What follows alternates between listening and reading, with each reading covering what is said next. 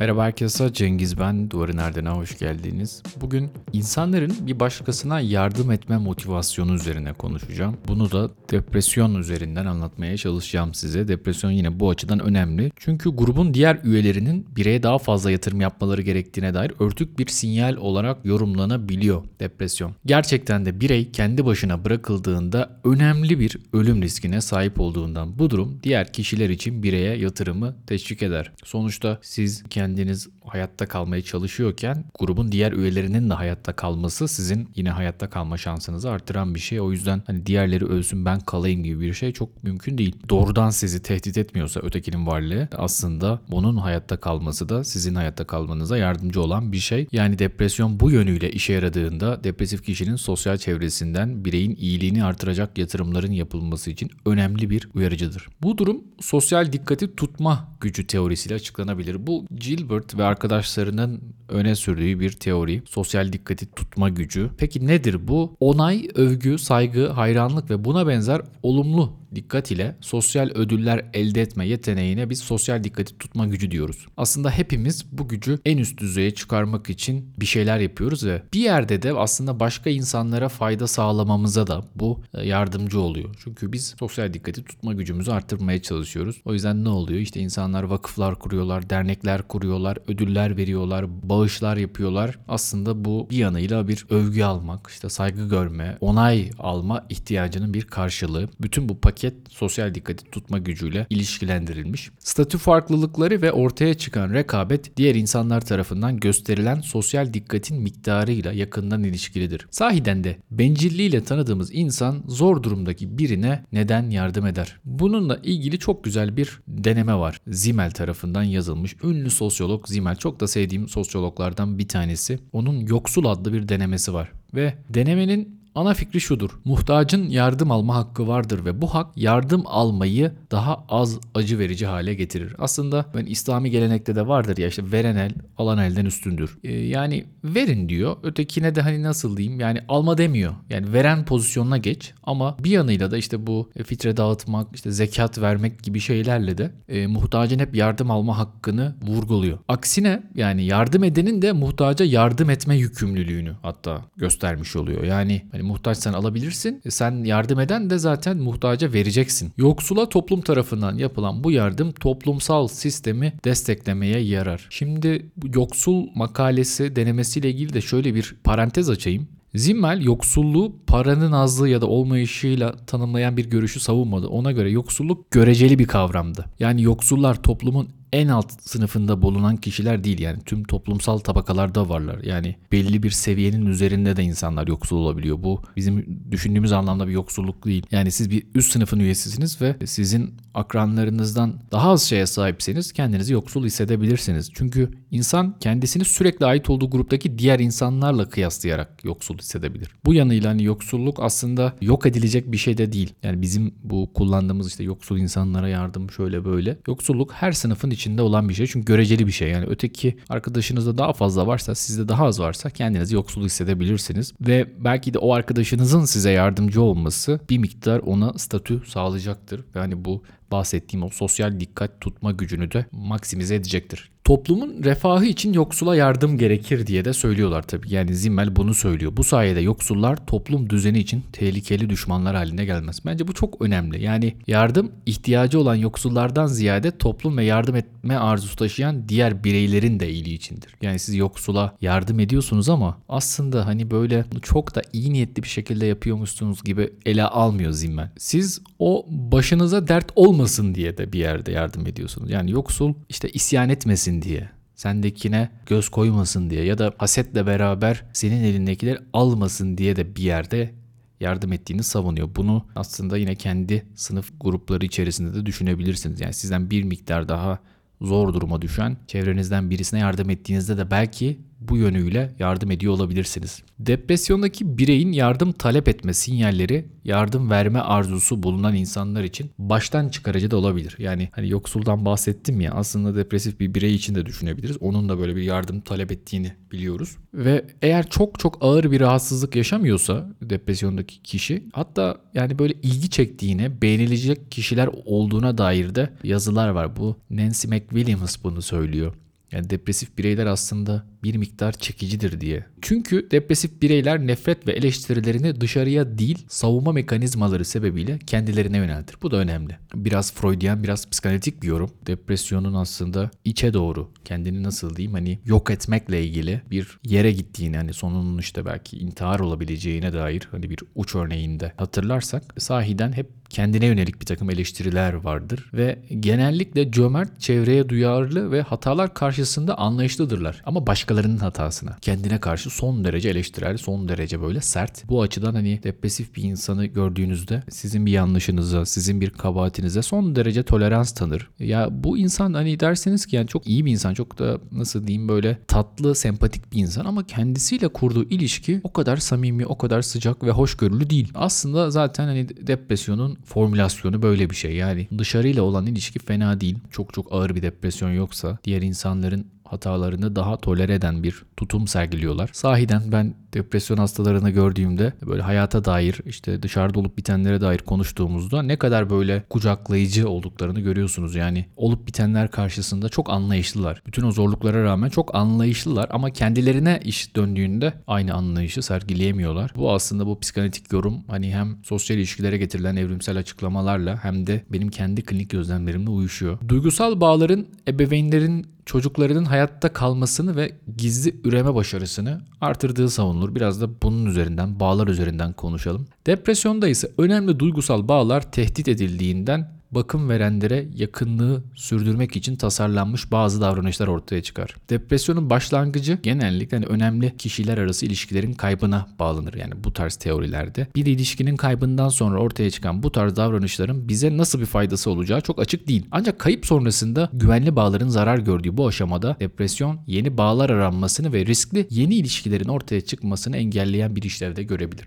Yani depresyon bir takım bağların kopması sonrasında ortaya çıkabiliyor ve aslında siz tam da bu durumdayken yeni bağlar kuramıyorsunuz. Çünkü öyle bir durumdayken aslında çok da bunun sağlıklı olmayabileceği tahmin edilebilir. Bir örnek verelim mesela. Biten bir ilişkinin ardından depresyona girmiş bir kişiyi düşünelim. Bu kişi şu anda yalnız olduğu için hayatına birini alabilecektir aslında. Ancak kısa sürede hayatına birini almak onun için ne kadar sağlıklı bir tercihtir. Hani bu çok da tartışılan bir şey ya. Biten bir ilişkinin arkasından yeni bir ilişki ne zaman başlamalı? Bir insan ne kadar süre yas tutmalı? Bunun tabii ki net bir cevabı yok. Yani herkesin belki kendi bireysel bir takım tercihleri söz konusu. Ama bazı insanlar için de mesela şöyle şeyler var. İkame bir sevgili hani bir öncekinin kaybını telafi etmek adına hızlıca yeni bir ilişki ya da şunu soralım yani böyle bir şey yaptınız ve işte kısa sürede hayatınıza aldığınız bir kişi hani ikamedir değildir. Bu kişiyle ne kadar güçlü bir bağ kurabilirsiniz. Aslında depresyonun burada statikoyu teşvik ettiğini söyleyebiliriz. Yani mevcut durumun aynı şekilde devam etmesi. Yani ayrıldınız mı? İşler kötü mü? Evet biraz böyle devam et. Çünkü yeni bir şey yapmak riskli olabilir. O yüzden kişi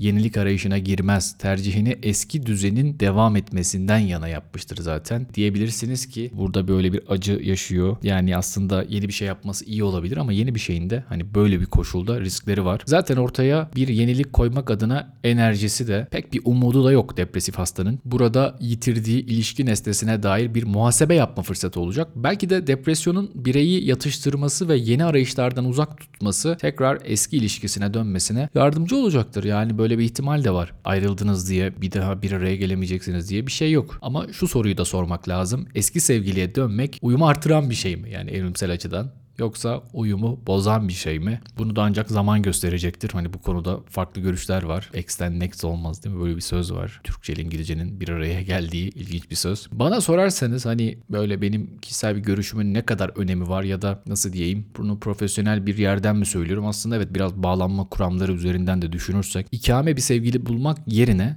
güçlü bir bağ kurmak için soylu bir bekleyişin uyumu artıran bir davranış olduğu fikrini taşıyorum. Eğer benim fikrimi soruyorsanız yani birisini unutmak için hemen hızlıca ilişkilere dalmak yerine beklemek ve sahiden o yası güzel bir şekilde tutmak. Eğer işte depresyonsa zaten o süreç o başka bir şey yani o bahsettiğim işte bu evrimsel mekanizmalar karşımıza çıkıyor ama onun dışındaki süreçler için de bunu söylemek mümkün. Birçok araştırmacı insanlar için ana üretken kaynakların sosyal kaynaklar olduğunu ve yaşamın büyük bölümünün sosyal çabalara harcayacağını belirtir. Sosyal yaşam ve ilişkiler bizim için Öyle önemlidir ki çok kötü şartların olduğu bir hapishanede başka insanlarla bir arada olmak koşulların görece daha iyi olduğu bir hücre hapsine tercih edilir. Hani bu çok tartışılan konulardan biri ya tecrit etmek. Yani insanlar aslında hapishaneye girdikten sonra şimdi ben de cezaevine bir süredir gitmiyorum artık ama gittiğimde gördüğüm mesela mahkum geliyor diyor ki beni haksız yere hücreye attılar. Şimdi siz eğer bu konuda çok bir nasıl diyeyim bir bilgiye sahip değilseniz yani bu tarz işte sosyal ilişkilerle ilgili çok bir arka plana sahip değilseniz ya diyebilirsiniz ki abi ha hücrede kalmışsın ha koğuşta kalmışsın ne fark eder? Sonuçta hapishane yani. Ama benim de gördüğüm aslında hani ben tabii tahmin ediyorum ama oradaki işte mahkumun şeylerinden anladığım çok büyük bir şey. Yani bir insanın hücreye gönderilmesi, tecrit edilmesi çok ciddi bir olay ve yine benim gördüğüm cezaevinde bir takım kurallar, bir takım cezalar var ama hücreye konmak en büyük cezalardan bir tanesi. O yüzden böyle bir şey olduğu zaman çok büyük ses çıkarıyor mahkumlar. Sahiden bu da aslında insan doğası hakkında bize çarpıcı bir gerçeği söylüyor. Yani insanlar gerçekten sosyal hayvanlar, sosyal canlılar ve sadece depresyondayken değil Yaşamın her anında sosyal ilişkiler önemlidir. Bu ilişkilerde karşılıklılığa dayalı sosyal değişimler yine son derece mühimdir. Çevremizdeki insanlar için iyi şeyler yapmaya çalıştığımızda bir yandan kendimiz için de iyi bir şeyler yapmış oluruz. Aslında ortada bir karşılıklılık yani bir alışveriş vardır. Buna iyilik alışverişi de diyebiliriz. İyilik alışverişi her ne kadar kamusal sosyal hayatın özü olsa ve görünüşte büyük avantajlar sağlasa da bu alışverişin tehlikeli bir tarafı da vardır. O da nedir? Senetlerin karşılıksız çıkması. Yani birisine iyilik yapıyorsun ediyorsunuz ama aslında orada da bir şeyleri takas ediyorsunuz ve size birisinden bir şey gelmesini bekliyorsunuz ve orada karşılıksız çıkan senetler var. Şimdi bunu biraz daha açalım. Pek çok insan diğerlerinin yapılan iyiliğe karşılık vermeyeceği tehlikesiyle karşı karşıya kalır. Zeki canlılar olan bizler karşılıksız senet ihtimalinin varlığı nedeniyle sosyal etkileşimlerimizde ince bir takım kararlar alırız. Hani bu da aslında temel sosyal bir durumdur. Mahkum ikilemi de var. Anlatacağım şimdi size. Yani birazdan yani biraz önce cezaevinden örnek verdim ya sahiden böyle bir ikilem var. Hani mahkum tutsak ikilemi diye geçiyor literatürde. Her bir katılımcının tanık olduğu veya suçu inkar ettiği tekrarlanan oyunların olduğu bu iki kişilik oyun şu şekilde senaryolaştırılır. İki zanlı bir soruşturma kapsamında polis tarafından gözaltına alınmıştır. Polis elinde tutuklama için yeterli kanıt olmadığından her iki zanlıyı ayrı ayrı hücrelere koyup bir anlaşma sunar. Anlaşmaya göre zanlılardan biri diğerinin aleyhinde tanıklık eder. Diğeri ise Suskun kalırsa tanıklık eden serbest kalacak. Susmayı tercih eden taraf ise 10 yıl hapse mahkum edilecektir. Eğer ikisi birbirleri aleyhinde tanıklık etmez ve suskun kalırlarsa her ikisi birer yıl hapse mahkum edilecektir. Ancak ikisi de birbirlerinin aleyhinde tanıklık ederse her iki zanlı da beşer yıl hapis cezasına çarptırılacaktır. Bu çerçevede her iki zanlı tanıklık etmek veya suskun kalmak arasında bir ikilemle karşı karşıyadır. Her iki zanlıya da soruşturmanın sonuna kadar diğerinin kararını öğrenme imkanı tanımamaktadır. Zaten o tanınsa işler kolaylaşırdı. İşte burada yapılması muhtemel bir iyiliğin karşılığının alınmayacağına dair şüpheler ve güven problemi ortaya çıkar. Şimdi bununla ilgili birazdan durumdan bahsedeceğim size ama bu güven problemi aslında insanın dünyadaki varlığını sürdürürken yaşadığı belki de en temel sorunlardan bir tanesi. Yani bir insan insana nasıl güven duyabiliriz? Tanımadığımız bir insana nasıl güven duyabiliriz diye. Buna en temelde şu örneği veriyorum. Siz bir restorana gittiniz ve işte restoranın en köşe masalarından bir tanesine oturdunuz. Böyle dışarıda kaldırımda bir masaya oturdunuz ve yemekleri yediniz. O mekan sizin hesabı ödemeden kaçıp gitmeyeceğinize nasıl emin olabiliyor ki? Yani aslında belki de çekip gideceksiniz. Hiç hesabı ödemeyeceksiniz. Ve bunlar oluyor tabii olmuyor değil de bunlar belli ki çok az oluyor ve bizler yemeği yedikten sonra hesaplarımızı ödüyoruz. Yani çoğunlukla tabii self servis yerler de var. Belki onlar biraz da bunu kontrol etmek için bu şekilde dizayn edilmiş ama sosyolog Giddens buna ontolojik güven diyor. Yani insanın varoluşuyla beraber ortaya çıkan güven duygusu. Biz hani işte trafikte kırmızı ışıkta dururken arkamızdakinin bize çarpmayacağını düşünüyoruz ya da işte biz yeşilde geçerken ötekinin kırmızıda bekleyeceğini düşünüyoruz. Buna eminiz. Tabii ki Türkiye'de ontolojik güveni zedeleyen şeyler olmuyor değil. Ama dünyanın her yerinde olabiliyor. Ama genel anlamda bir güven duygumuz var. Ama bazen işte böyle güven duygusunun biraz daha sarsıldığı anlar oluyor. İşte mesela bu tutsak ikileminde, mahkum ikileminde zaten biraz sizin bu güven duygunuz test ediliyor. Şimdi bu zanlılardan bahsettik ya işte gözaltına alınmışlar ve ifadeleri alınıyor ve iletişim kuramıyorlar ve birbirlerinin sosyal sinyallerini takip edemiyorlar. Bu durumda karşı tarafın kararından habersiz olan zanlı 10 yıl hapis yatma ihtimalini göze alamayarak sessiz kalmayacak. Karşı tarafın aleyhinde tanıklık edecektir. Karşı taraf aleyhinde tanıklık ettiği için 5 yıl gibi daha kısa süreli bir hapis cezasına razı olacak ya da serbest kalacaktır. Hani bunu siz de düşünebilirsiniz. Yani siz ne yapardınız böyle bir durumda? Susarsanız ve sizi gammazlarsa 10 yıl hapis yatacaksınız ama konuşursanız ya serbest kalacaksınız ya da işte daha kısa süreli bir hapis cezası sizin olacak. Zanlı burada kaybını en aza indirmeyi hedeflerken karşı tarafın da aynı koşullar altında rasyonel davranarak diğeri aleyhine tanıklık edeceği kaçınılmaz bir gerçektir. Böyle bir durumda birbirleriyle iletişim kurmayan iki tarafın da iyi niyetli olmadığını söyleyebilirsiniz ama rasyonel davranmadığını söyleyemezsiniz. Aslında bütün bu durumlar e, ne kadar böyle kendi içinde işte duygusal kararlarmış gibi irrasyonel gözüküyormuş gibi olursa olsun insan son derece rasyonel davranıyor. Yani depresyondayken de işte mahkumken de pek çok zamanda rasyonel davranıyor. Aldıkları karar belki de hapis cezalarının artmasına neden olacaktır ama kendilerince mantıklı sebepleri bulunur. Bu ikilemden sonra şöyle bir noktaya varıyorum aslında. Hayatta zor durumda kaldığımız anlar belki de daha rasyonel kararlar aldığımız anlar olabilir. Depresyon da aslında böyle zor zamanlardan biridir. Hem kendimize dair hem de sosyal ilişkilerle ilgili pek çok rasyonel karar böyle zorlayıcı bir andan sonra ortaya çıkabilir. Kazancın çok zor göründüğü ya da görünmediği anlarda bu şekilde kararlar almak mümkün. Bizim için her yeni an ve olay kendi yeni rasyonalitesini yaratıyor. Depresyonla ilgili şunu hatırlatmakta fayda var. Mesela hastalarımıza böyle zor dönemlerde çok büyük kararlar almamasını, Bunları ertelemesini öneriyoruz. Ama aslında depresif bireylerin böyle durumlarda kullandığı çok ciddi bir rasyonel zekaları da var. Biraz böyle nasıl diyeyim tartışmalı bir konu. Hani kendisi için rasyonel gözüken bir şey belki grup için irrasyonel olabilir ya da durum için rasyonel gözüken bir şey bir sonraki durum için e, çok akılcı olmayabilir. O yüzden aslında biraz da zaman kazanmak için böyle çok hızlıca kararlar vermesini biraz nasıl diyeyim engellemek için biraz ertelemeyi teklif ediyoruz. Ama bu gerçekten şu demek değil. Depresif bir hasta asla işte iyi düşünemez, sağlıklı düşünemez demek değil. Bazen hasta olmadığı dönemden bile daha iyi düşündüğünü gösteren çalışmalar var. Bunlarla da ilgili size ayrı bir bölüm yapacağım. Karar alma süreçleriyle ilgili, depresif bilişlerle ilgili. O da ilginç ve eğlenceli konulardan bir diğeri. Buraya kadar dinlediğiniz için çok teşekkür ederim. Kendinize iyi bakın. Hoşçakalın.